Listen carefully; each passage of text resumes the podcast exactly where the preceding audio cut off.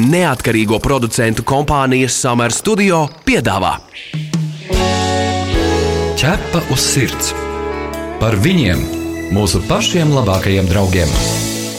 Raidījumu atbalsta Borisa un Ināras Teterevu fonds.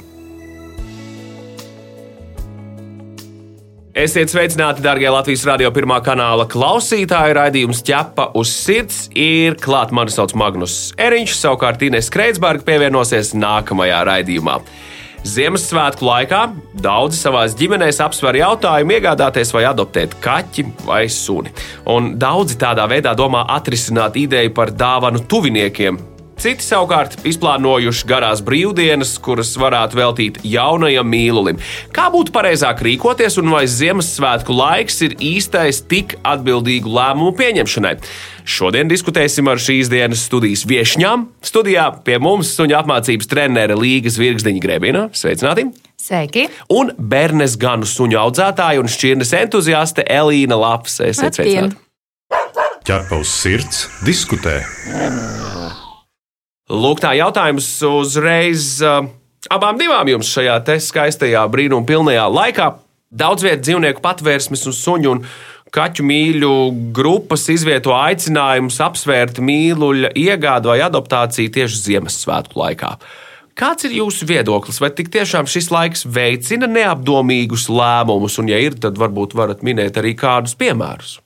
Jā, es droši vien arī varētu sākt. Manuprāt, Ziemassvētku laiks uh, ir laiks, kur jā, mums ir atvaļinājums lielāks un visdrīzāk tur ir fleksiblākas iespējas paņemt. Līdz ar to būs lielāka iespēja būt ar šo paņemto maidzīvnieku uzreiz mājās kopā. Bet tā dāvināšana ir tas moments, kas var aizēno cilvēku acis. Ja, nevienu reizi mēs dzirdam, ka mēs paņemam savai mammītei, omītei vai bērniņam vai vēl kaut kā, kādam citam uzdāvinam, bet dzīva būtne ir atbildība. Un tā vienmēr būs pieauguša cilvēka atbildība, nevis bērna atbildība, vai arī jau pavisam vecāku gadu gājuma cilvēku atbildība, kuri tiešām arī, piemēram, nespēja uzņemties rūpes par, piemēram, ja mēs paņemam kucēnu, tīpaši no patvērsmes. Man ir bijusi pieredze tiešām ar klientu, kas vērsās pie manis, kur paņemts kucēns, bīgla kucēns bija pavisam, pavisam vecai kundzītei. Nu, protams, ka tur super nu, nesaprātīga šī savienība bija mazs, aktīvs kucēns ar vecu cilvēku, kas knapi redz, knapi dzird, spēj kaut kur aiziet vai ne. Un tam kucēnam taču ir vajadzīga aktivitāte. Viņam ir vajadzīga darbošanās, fiziskās, mentālās aktivitātes. Un ir ļoti svarīgi tāpēc apzināties, ka dzīvnieks nav dāvana kādam citam, ja es gribu dāvināt sev dzīvnieku, tad tas ir labs laiks kad to darīt, jo tad ir brīvāks laiks, kad es varu būt kopā ar šo dzīvnieku. Bet eh, nu, tā tad eh, tiešām, ja es esmu jau pirms tam ilgstošus mēnešus šo lēmumu mēģinājis arī pieņemt un, un lēmis izsvērt visus plusus un mīnusus, un eh, tāpēc es ņemu priekš sevis, nevis priekš kāda cita. O, šī ir atslēgas lieta. Ņemt priekš sevis, nevis priekš kāda cita. Elīna, kā jums šķiet ar šo visu, vai ne pirms svētku laikā? traks lēmums, neapdomīgs lēmums. Es pilnīgi piekrītu Līgai, ka uh, dāvināt sev ir saprotams, jo ir vairāk laika. Un, uh, protams, tikai tādā gadījumā, ja šis dāvinājums sev ir izsvērts par visiem, pilnīgi visiem aspektiem, kas ir jāņem jebkurā gada laikā, iegādājoties kucēnu, lai šis pirkums un šī dāvana nav emocionāla, bet lai viņi ir praktiski izsvērti ar visu iespējamo atbildību, riskiem un, un arī ieguvumiem beigās. Es ar saviem bērniešiem mēs esam sastāvam Latvijas Šveices kalnu suņu klubā. Ir sanācis tā, ka šogad uz Ziemassvētkiem mūsu klubā ir kucēnu metiens. Kucēni ir dzimuši oktobrī, un viņi ir gatavi doties mājās ap Ziemassvētkiem. Un tieši kā reizi viens no kucēniem būs dāvana citai ģimenei. Viena ģimene dāvina kucēnu otrai ģimenei. Un šis priekšaudzētāja, manuprāt, bija dubults risks, jo audzētāja runāja un tikās ar abām šīm ģimenēm. Lai saprastu līdz galam, kur tad kucēns būs, kur viņš dzīvos, kā viņš dzīvos, ko domā tā dāvanu saņēmēja ģimene, kāda ir viņu pieredze un attieksme. Un, jā, pārnēt šo jautājumu, saprotu, ka šī dāvana būs izvērtusies kā pārdomāta un plānota, nevis emocionāli. Tu esi mans draugs, ķepa uz sirds.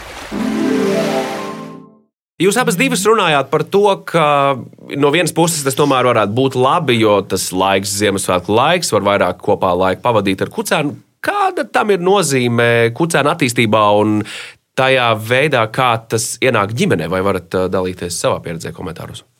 Protams, ka tad, kad kucēns, bet arī ne pat tikai kucēns, arī ja mēs ņemam no patvērsmes jau pieaugušu suni, katram sunim nav būtiski no vecuma, izmēra, šķirnes, bezšķirnes, viņiem ir vajadzīgs adaptācijas laiks jaunā vidē ar jauniem cilvēkiem.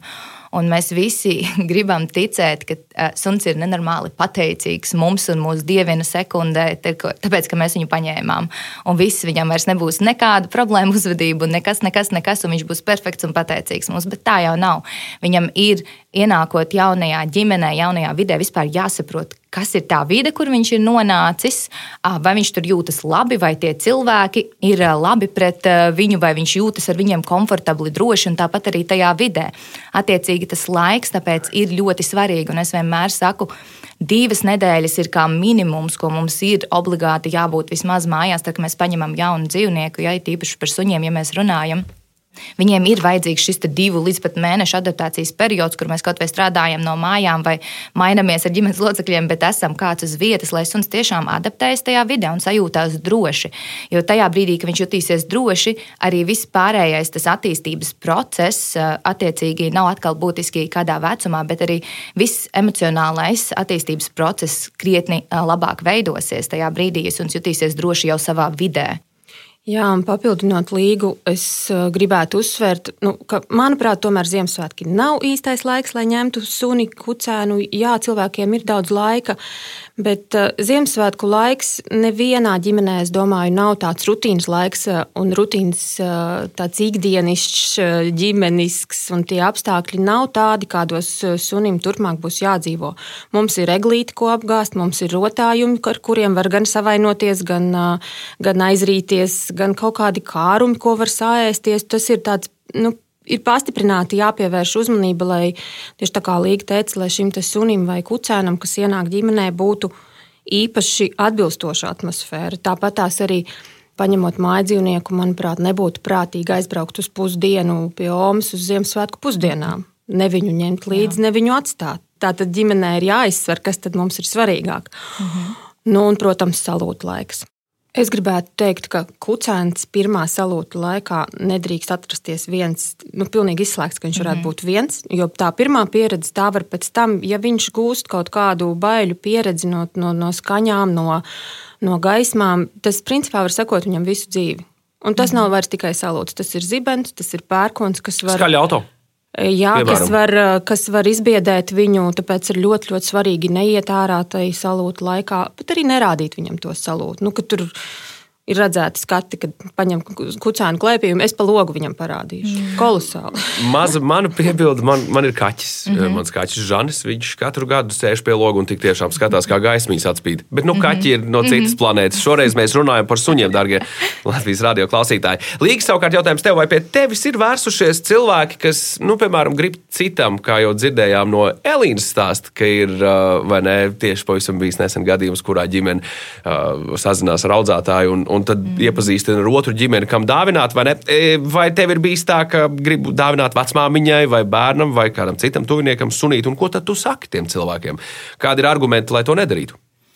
Jā, nu, pirms, diemžēl, daudzi nevēršās uzreiz pie uzvedības speciālistiem un treneriem. Ir cilvēki, kas tiešām pirms konsultējās, bet tas ir tā retāk. Pie manis personīgi bijis. Bet pārsvarā ir kaut kādas reizes bijis, kad man, man zvana un saka, ka pieteiksies uz apmācībām, bet ka galvenais saimnieks esot bērns. Tas mm -hmm. ir tāds mhm. visbiežākais mm -hmm. variants. Un tad, tad tajā brīdī es vienalga vienmēr arī saku, ka labi, es saprotu, ka tā ideja jums tāda bija, ka galvenais uh, saimnieks ir bērns, bet atceramies, ka bērns nekad nebūs pieaugušais, un pieaugušais vienmēr uzņemas atbildību par uh, citu dzīvu būtni. Tātad gan bērnu, gan dzīvnieku, un tā skaitā suni. Un, uh, līdz ar to, protams, ir arī svarīgi, kāds ir bērna vecums un cik tiešām arī apzinīgs ir bērns, bet mums jāatcerās, ka bērns ir bērns, viņam nebūs vēl pat cilvēkam pieaugušā vecumā. Mēs pat nevaram izanalizēt visas iespējamās situācijas, kas varētu notikt un nenotikt. Ja? Bet bērnam viņam vēl arī nav tā dzīves pieredze tāda, lai viņš simtprocentīgi vienmēr visas situācijas izanalizētu. Līdz ar to nu, arī pastaigās tieši nesen es arī publiski par šo runāju un stāstīju savos sociālo tīklu kontos, ka arī pastaigās, ja mēs ejam, tad vienmēr ir jābūt kādam pieaugušajam blakus. Jo es esmu redzējusi, ka treniņu ietveros arī kā mazi bērni ved suņus pastaigāties, un tam bērnam nav vispār nekāda sapņota par savu suni. Tas suns ir vienkārši milzīgā stresā, uz visiem reaktīvi rej. Un tas bērns tik viņam kaut ko vēl uzbļauj un uzšauj. Un, un kaut kur skrien pa savam un ārdās un trako ar saviem, ar saviem draugiem. Nu, tā, tā nav ļoti veiksmīga nu, bērna rūpēšanās par suni. Jā. Tas ir tāds vecākam ļoti viegls variants. Ja bērns reku izgāja kopā ar suni patusēties, Nē, tur nebija nekas labvēlīgs tam sunim. Līdz ar to tas ir jāatcerās, ka jebkurā gadījumā suns vienmēr būs pieaugušā atbildība. Un nu, tikai jau tāds uh, tīnis jau tāds tiešām apzinīgs tīnis, kas izglītojas, kas iet un mācās uz skoliņām, kuram mēs varam tiešām vairāk uzticēties, būs tas, kas tiešām varēs jau apzināti saprotot, eh, ko viņš dara, kā palīdzēt sunim, kā staigāt ar suni, kā strādāt ar suni, nu tiešām rūpēties par viņu. Ķepa uz sirds, suņu būda. Cik bieži no pašu novērojumiem un arī izpētītās statistikas, cilvēki mēdz nokļūdīties ar savu izvēli tieši šķirnes ziņā. Jo, piemēram, izvēlējušies to mirkli iespējā, tas regulāri notiek, neregulāri. Un, un, un ja kā, ka, kuras tad varētu būt tās šķirnes, kuras tad ir tās vislielākās, ja tā varam teikt, kļūdas? Tas ir tāds jautājums, kas droši vien varētu būt sāpīgā tēma daudziem gan audzētājiem, gan, gan, gan arī speciālistiem. Jo Nu, tas, ko mēs dzirdam, bieži vien ir, ka cilvēks skatās pēc arī izskata ja, un izmēra. Es gribu tur maza izmēra suni vai tādu, vai viņš tāds smukiņš un tā. Vai arī tad, populāros, piemēram. Jā. Tur Labradors, Retrievers, Franču buldogs, Bīgls, Bērns Gansuņš. Jā, un, un arī diezgan īstenībā tās šķirņu popularitātes iet tādā, tādā secīgā kārtībā un apmēram kas ir vairumā šobrīd, tad es arī gribu, jo baigi smuki, un es daudz redzēju manam draugam, kaimiņam un vēl kaut kam bija, vai ne? Un viņš baigi paklausīgais. Tas tāpatās, kā man liekas, agrāk arī bija. Ja tu redzi, nu, piemēram, es eju ar savu paklausīgu bīglu, o, tad es gribu bīglu, jo reku viņš paklausīgs. Es divus gadus intensīvi strādāju, lai viņš būtu tieši tāds, kāds viņš šobrīd ir, vai to tu arī ņem vērā, vai ne? Nu, tā kā piemēru teikt. Jo daudzi vienmēr skatās izmēru vai izskatu, un it īpaši šobrīd, bet cik visi grib vairāk vai mazāk vairāk mājas mīluļus, jo primāri jau īstenībā suns tika radīts kā nu, darba suns ar konkrētu darba specifiku, un šīs nianses netiek vairs ņemtas vērā arī paņemot kaut vai mazo špicu. Viņi nāk no špicu, nu, tā tad, tās vis, visas izcelsmes, kas ir vokāla uh, suņu šķirne, vai ne? Un tad arī kāpēc viņš rej. nu, tā, ka, tā tad netiek līdz galam izpētīts, kas tad ir šķirne, no kā konkrēti mana šķirne cēlās. Ja? Kāda bija darba specifika, vai viņi ir domāti vairāk barā, vai tieši atsevišķi, ja paņemu suni kas īstenībā ir totāls bara dzīvnieks, kas arī darba specifikā strādātu kopā, un beigās es viņu mēģinu likt vienu pašu pirmajā stāvā gulēt. Ja? Ir tik daudz dažādas nianses, kas īstenībā šķirnē ir ļoti specifiskas, ko bieži vien neizpēta. Jo ir tiešām ļoti padziļināti jāizpēta katra šķirne un jāsaprot, kāpēc tā šķirne tika radīta, kādām darba specifikām, tātad, kā, kas arī veidosies viņa tajā raksturā un kaut kādās iezīmēs, kas ir viņam vajadzīgs, lai viņam būtu kvalitatīva dzīve arī. Tu pazīsti kādu īpašu dzīvnieku draugu? Tavs kaimiņš vai kolēģis palīdz nelaimē nonākušiem suņiem un kaķiem? Varbūt kāds suns vai kaķis izmainīs tavu pašu dzīvi. Raksti mums, un mēs pastāstīsim šo sirsnīgo stāstu pārējiem klausītājiem. Iedrošināsim arī citus izdarīt kādu labu darbu. Gaidām jūsu vēstuli uz info atķepa uz sirds LV. Nu, piemēram, buļbuļsaktas varbūt neņems nu, visi cilvēki, jo nu, tomēr zinām, cik svarīga ir apmācība šai šķirnē. Bet par labradoru vai bērnieti vai franču buldogu taču ir dzirdēts, ka tos var ņemt un turēt gan bērns, gan vecais tēvs. Šie suņi taču ir tik mīlīgi un paklausīgi jau no dzimšanas, un tad var sakot diezgan liela vilšanās. Elīna, vai var piekrist tam, ka bērniešus grib daudzi un arī nesagatavoti suņu gribētāji? Jā, par visiem simts es tam varu piekrist, jo bērnietis jau pēc skata un uzvedības, tas, ko redz cilvēki mūsu ielas satiekot, vai kaut vai mēs tikko bijām Ziemassvētku pārgājienā pa vecrīgu ar 11 bērniešiem. Viņi visi ir skaisti, viņi ir mīļi, viņi ir pūkaini. Cilvēki nāk klāt, jautā, vai drīkst viņus paglaudīt, vai drīkst samīļot. Un, nu, protams, tie saimnieki, kas ir pārliecināti, ka viņu suņus drīkst atļauj, un cilvēkam radās priekšstats, ka es tagad paņemšu bērnieti, un viņš man tāds būs. Tieši tā kā Līga teica, es divus gadus par to esmu strādājusi. Lai viņš prot uzvesties sabiedrībā, lai viņš nebaidās no tā, ka viņam ir jāiet vecrīgas tirdziņā, kur ir pilns ar cilvēkiem, lai viņš prot iet pavadā un apstāties pie sarkanās gaismas kopā ar saimnieku. Tā kā ļoti daudziem šķiet, ka uh, es paņemšu bērnieti, un man būs tā, kā es redzēju izstādē. Man, man reiz izstādē Čīpselā pienāca klāt sieviete. Un ļoti jūsmoja par maniem bērniešiem, un vēl arī citiem, kas blakus bija. Viņa viņu sošņāja, jo viņai patika, ka viņi, viņiem nav tā suņu smarža vai smaka. Un pat cik mums bija jāgaida rings, tad es ar viņu parunājos. Viņa stāstīja, ka viņai, viņa dzīvo jūrmalā un viņai ir liela teritorija un ka bērnītis ļoti skaisti izskatās tā. Bet nu, vārds pa vārdam, bet staigāt man nepatīk. Un man arī nepatīk, kad suns ir slapjš un tā. Un vispār es gribētu sēdēt uz terases un lasīt grāmatu, un viņš tur kaut kur tālumā. Viens pats vienkārši smuki izskatās. Suns, kuram šķirne ir komunikabls uz cilvēku vērsts. Nu, es tā kaut kā mēģināšu izvēlēties pēc tiem saviem kritērijiem.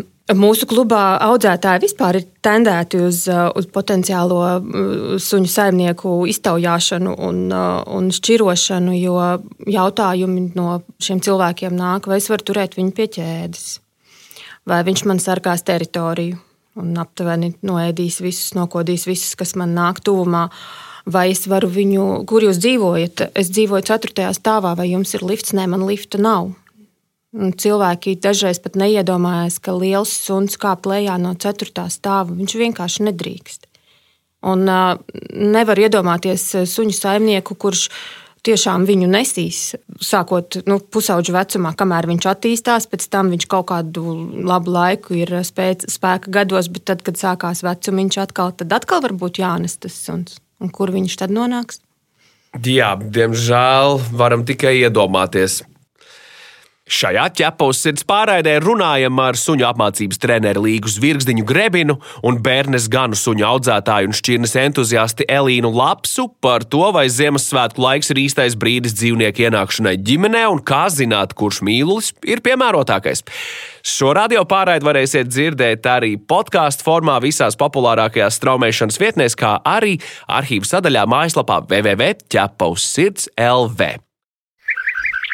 Visur kopā - ķepus sirds. Runājot par šī gada datiem, mums ir pienākuši dati no Lielbritānijas par to, kuri šķirnes suņi tiek visvairāk pamesti patvērsmēs. Turpinot Elīna tā iesākto, un ziņojumā ir teikts, ka viņu vidū ir franču buldogi, Labradori un Staffordshīras terrieri. Par stafiem varbūt nav tik liels pārsteigums, jo cilvēki spītīgi uzskata, ka viņu gribēšana ir lielāka par varēšanu izvēloties konkrēto šķirni, bet franču buldogs un labradors kā jums šķiet, kāpēc? Man ir Man liekas, ļoti laba atbilde. Es pirms nākšanas uz šejienu ieskatījos slavenajā sludinājuma portālā. Un kucēnu, suņu un kucēnu sadaļā ievadīja vārdiņu meklētājā Ziemassvētki. Un, piemēram, Bildītē ir uh, kaut kas, kas ir iespējams franču buldogs ar kucēniem, ar uzrakstu, ka uh, vientuļas dāmas kurorta romāns ir vainagojies ar kucēniem, kas būs lieliska dāvana Ziemassvētkos. Jā, nu tas izklausās pēc daudziem sarkanajiem karogiem, kuriem tikai un vienīgi domāt, kā palīdzēt. Un jācer, ka viss beigsies labi, bet mēs tomēr zinām vairāk vai mazāk, kā beigsies šis stāsts. Jā, es domāju, ka Mēs, mēs visi ļoti labi zinām, ka Labradors skaitās ja, kā tāds ģimenes mīlulis, un visi automātiski uzskata, ka tā ir piemēram šķirne, kas ir jāņem, it īpaši, ja tev ir bērni. Bet atkal te aizmirst to daļu par to, ka mums jāsaprot, kas ir suns, viņa vajadzības, kā ar viņu strādāt, cik daudz ar viņu strādāt, cik daudz laika ar viņu ir jāpavada. Un Labradors, piemēram, ir šķirne, kura varbūt super ekstra mierīgi, un to mēs ļoti labi zinām, jo nevelti ir ļoti daudz skanijas terapijas suņi tādi, un arī uh, suņi pavadoņi, tieši labradori, vai ne? Mēs ļoti labi zinām, ka viņi var būt mierīgi, bet tas ir intensīvs atkal darbs, lai viņi tādi būtu. Un uh, labradori ir šķirne, kas ļoti labi, ātri var aiziet uz tādu super intensīvu hiperaktivitātes stāvokli, ja viņu dabiskās vajadzības netiek apmierinātas, ja viņu ķermeņa valoda netiek saprasta. Tātad, ja ar viņu nestrādā, un, Un viņš aiziet tādā hiperaktivitāte, ir tas, ka viņi tātad skrien, lēc, raujas, grauž, respektīvi, super daudz visu it kā pozitīvu emociju, bet vienopus, un tur sanāk, ka beig beigās tas suns ir arī tomēr ar masu un nu, netiek galā. Ne? Un ar frančiem, franču buldogiem varētu būt tas, ka viņi ir mazi, kas ir super ērti, bet tāpat laikā esam jau arī iepriekš runājuši par to, ka tomēr viņiem ir diezgan liela noslēdz uz dažādām veselības problēmām, alerģijām un muguras problēmām, un attiecīgi tajā brīdī droši vien, kad saimnieks sastopās ar visām izmaksām, kas var izrietēt no, no, no šāda arī suņa, tad arī tā varētu būt tā papildus nianse, kas liek atgriezt šo suni, vai ne, kas, nu, manuprāt, ir ļoti absurdi, jo, nu, Tas tāpat kā, ja tev pašam vai, vai bērnam vai vēl kādam ir kaut kādas slimības, nu nav tā, ka tu mēģini no viņa tikt vaļā. Ķerpa uz sirds, diskutē. Es zinu, par to daudz ir, daudz ir runāts, bet lieku reizi atkārtosim vēlreiz. Kāpēc, kāpēc tik tiešām nevajadzētu un nedrīkstētu dāvināt un pirkt dzīvnieku citam?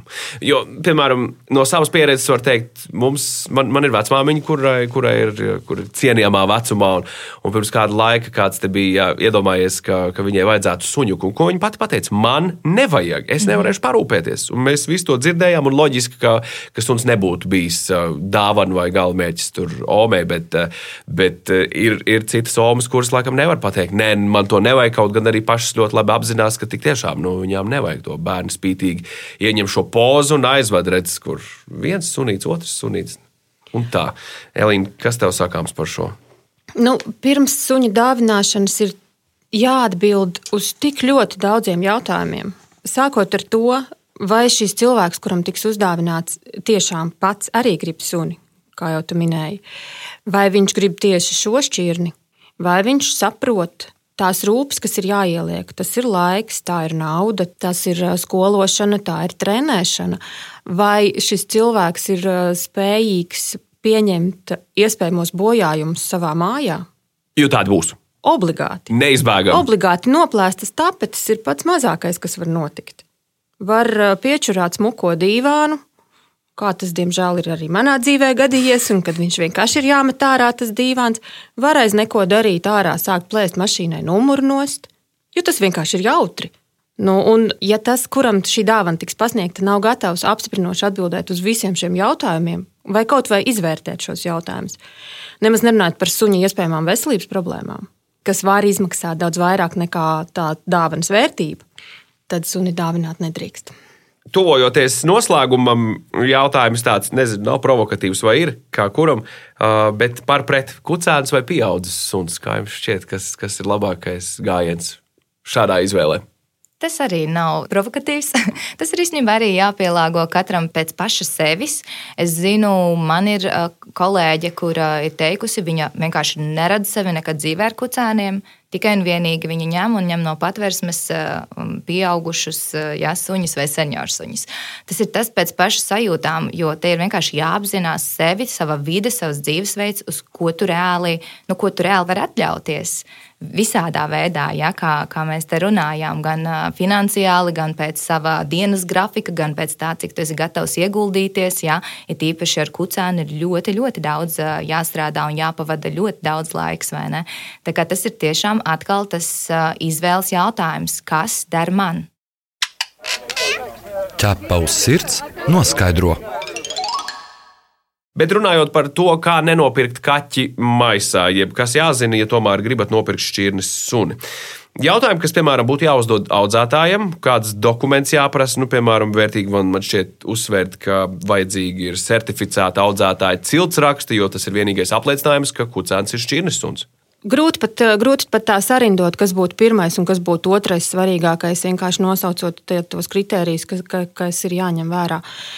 Pirmais sarkanā gaisma ir tie, kas atved uz benzīna tanku rītā. Jo tur mēs neredzam, mēs neredzam ne apstākļus, no kurienes nāk kucēns, ne kucēna māti. Tas ir tas, kas ir jāzina, kur viņš dzīvo, kā viņš dzīvo. Ciltsrakstiem ir jābūt aizpildītām visām sadaļām. Nevis es nesen redzēju kādu alternatīvā kluba ciltsrakstus, kur aizpildīts par bērnieti ir tikai viena vecāka sadaļa. Otram vecākam pa visu vecvecāki un tā tālāk ir ieraksts nav zināms. Tātad tas ir kaut kas, kas gribētu būt par bērnieti, nu vai par jebkuru citu šķirni. Veselības pārbaudes, obligātās veselības pārbaudes, lai izslēgtu pēc iespējas pārmantojamu, kaut kādu ģenētisku, iegūstamu veselības problēmu rašanos. Līga. Es parasti vienmēr arī aicinu pārliecināties, ka tas, pie kā mēs gribam iegādāties dzīvnieku, ja tā tad suni, ka viņi ir tiešām atvērti Brauc ciemos, nāc skaties, kādā vidē dzīvo. Es esmu gatavs atbildēt uh, uz taviem visiem jautājumiem, zvani jebkurā laikā. Jo Atbildīgs audzētājs vienmēr gribēs, lai viņa kucēnam ir vislabākie apstākļi. Attiecīgi, viņš nemēģinās kaut ko noslēpt, viņam nebūs tā, ka viņš tur liek kaut ko nogaidīt vai vēl kaut ko. Viņš tiešām visu godīgi teiks, stāstīs, rādīs, jo nav jau ko slēpt. Tajā brīdī, ja man nav ko te īsti atbildēt, ja es ātri tur nozūdu, izvairos no atbildēm, ja lieku kaut kur pagaidīt, nogaidīt vēl kaut kā, nu tad jau tur sāk parādīties tādas jautājuma zīmes, cik tas viss ir godīgi un cik tas viss ir tiešām, ka tavs tiršķiņš suns būs tiršķiņas suns, vai ne? Nu, lūk, svētku priekšvakarā, gada noslēgumā, pēdējās nedēļas atlikušas mums decembrī, varbūt vēlreiz varat uzsvērt, kā nu, gluži kā ABC pa punktiņiem, kas ir jāizvērtē pirms ņemt dzīvnieku. Un, ja par kaut ko ir šaubas, visas iespējas to dzīvnieku noteikti ir arī neņemt. Vai jūs varat uh, ieteikt klausītājiem šo ABC, par ko vajadzētu lieku reizi padomāt? Tik tiešām, vai tas ir vajadzīgs vai tomēr nē? Jā, tā tad vai man ir laiks sunim, Tas ir tas, ko bieži vien var dzirdēt, ka nav laiks. Tātad, vai tev ir laiks, tiešām vai tev ir laiks? Saliekot uz papīra visu dienas uh, ritmu, darba dienas, brīvdienas, vai tev ir laiks? Vai tev ir laiks vismaz trīs reizes dienā aktīvi darboties ar suni, kas ir ne tikai treniņi, bet pastaigas, mentālās, barošana un tā tālāk. Nākamais tā tad līdzekļi, vai tev ir finansiāli pietiekami līdzekļi, lai nodrošinātu arī visu, kas sunim ir nepieciešams, kas ir, protams, primāri barība, kas arī, ja mēs barojam kvalitatīvu suni, nav pats lētākais variants. Otkārt, ja nu pēkšņi notiek kaut kas veselības ziņā, vai es varu atļauties palīdzēt savam sunim un to visu, kas vetklīnikas čekā parādīsies, apmaksāt. Jā, vai man īstenībā ir pacietība? Jā, pacietība ir vēl viena ļoti, ļoti svarīga lieta, kas ir nepieciešama jebkuram cilvēkam, bet tīpaši arī, ja es paņemu suni, vai es esmu gana pacietīgs, lai būtu intensīvā, um, tādā veiksmīgā sadarbībā ar suni, gatavs palīdzēt sunim mācīties, iemācīties savus mājas noteikumus ārā pilsētvidas noteikumus, un tur ir vajadzīga pacietība. Jo steigā iemācīt mēs varam tikai stresu un apjukumu sunim, un tas arī viss. Vajag pacietību, it īpaši uz kucēnu, ka būs jāmācā vienreiz, divreiz, trešoreiz, līdz visa informācija nosēžās, vai ne? Un nekas sunim nenotiek tādā sekundē. Līdz ar to pacietība ir vēl viens galvenais atslēgvārds. Es gribēju papildināt par šķirnes atbilstību. Omītei nevajag dogu. Omītei vajag mazu mīļu, kas, ja vispār omīt vēlas. Lūk, tā, visas iespējas izvēlēties. Jums lieku reizi atkal ir zināmi parametri, kā to darīt un kā būtu viss, viss, viss pareizāk. To darīt Ziemassvētku laiks straujiem soļiem tuvojas un vēlreiz lūdzu, lūdzu, lūdzu padomājiet, vai tik tiešām jums ir tas mājdzīvnieks būs vajadzīgs, un vai lieldienās tas nenokļūs jau dzīvnieku patversmē. Mēs ārkārtīgi ceram, ka otrais variants nebūs tas variants, un uh, jūs izdarīsiet pareizo izvēli, pat ja tā izvēle būs neņemt mājdzīvnieku, ja jūs neesat pārliecināti par to, ka tāds jums ir vajadzīgs. Mīļš, paldies par uh, sarunu šajā reizē raidījumā ķepa uz sirds. Pie manis studijā viesojās suņu apmācības trenere Līgas Virkstiņa Grebina. Paldies, Līga! Paldies! Un bērnes ganu suņu audzētāja un šķirnes entuziaste Elīna Laps. Paldies arī jums, Elīna! Paldies! Murrājam! ķepa uz sirds. Un priecīgus jau svētkus, kas straujiem soļiem tuvojas šeit, Latvijai, un šiem platuma grādiem. Lūk, tā, es gribēju atgādināt, ka ķepus sirds TV raidījumam varat sekot līdz katru sestdienu, pulksten 11.15 un atkārtojumās svētdienās LTV1. Un mēs arī gaidām jūsu jautājumus, ierosinājumus, kā arī idejas sižetiem. Rakstiet mums uz info atķepa uz sirds LV. Taču šajā raidījumā tas ir arī viss. Mani sauc Magnus Eriņš, un šo raidījumu veidoja neatkarīgo producentu kompānija Summer Studio. Visu labu! Ķepa uz sirds! Informatīvi izglītojoši raidījums par dzīvnieku pasauli un cilvēkiem tajā. Raidījumu atbalsta Borisa un Ināras Teterevu fonds.